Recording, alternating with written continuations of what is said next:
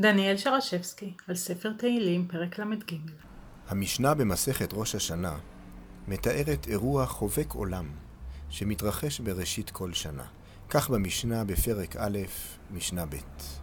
בראש השנה כל באי העולם עוברין לפניו כבני מרון, שנאמר, היוצר יחד ליבם, המבין אל כל מעשיהם. כבר העירו רבים על כך שהביטוי כבני מרון מופיע בנוסחים מדויקים במשנה כמילה אחת, כבנו מרון. ונומרון הוא גדוד ביוונית. לאור זאת, המשנה מתארת את באי העולם העוברים לפני המלך אלוהים כמו גדודי צבא שנשכרים על ידי המלך. קריאה בפרק לאור דברי המשנה תגלה שלא בכדי בחרה המשנה את התיאור הצבאי.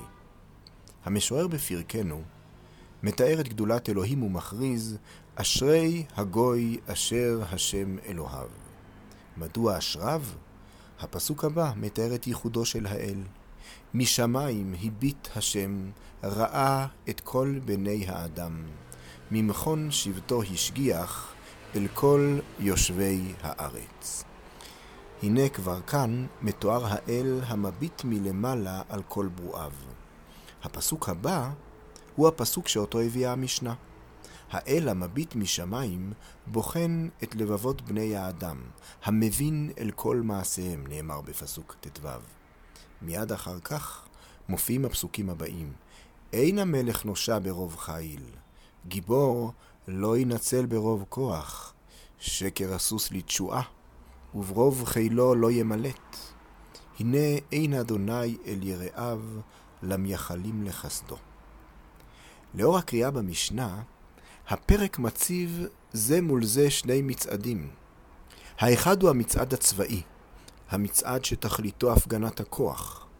במצעד הזה המלך סוגר את חילותיו ובוחן את חילו. אין המלך נושע ברוב חיל, מצהיר המשורר כלפי המצעד הצבאי. הוא מציב מולו את המצעד האלטרנטיבי. בפסוק י"ג, משמיים הביט השם ראה את כל בני האדם, המבט שלא נועד לבחון את גבורת ההולכים, אלא את טוהר לבבם. בראש השנה אומרת המשנה, עוברים בסך כל באי העולם לפני המלך, אך הם לא נושאים נשק ולא חגורים אפוד. הם צועדים ועימם רק מעשיהם וטוהר ליבם. זהו מצעד הלבבות החשופים.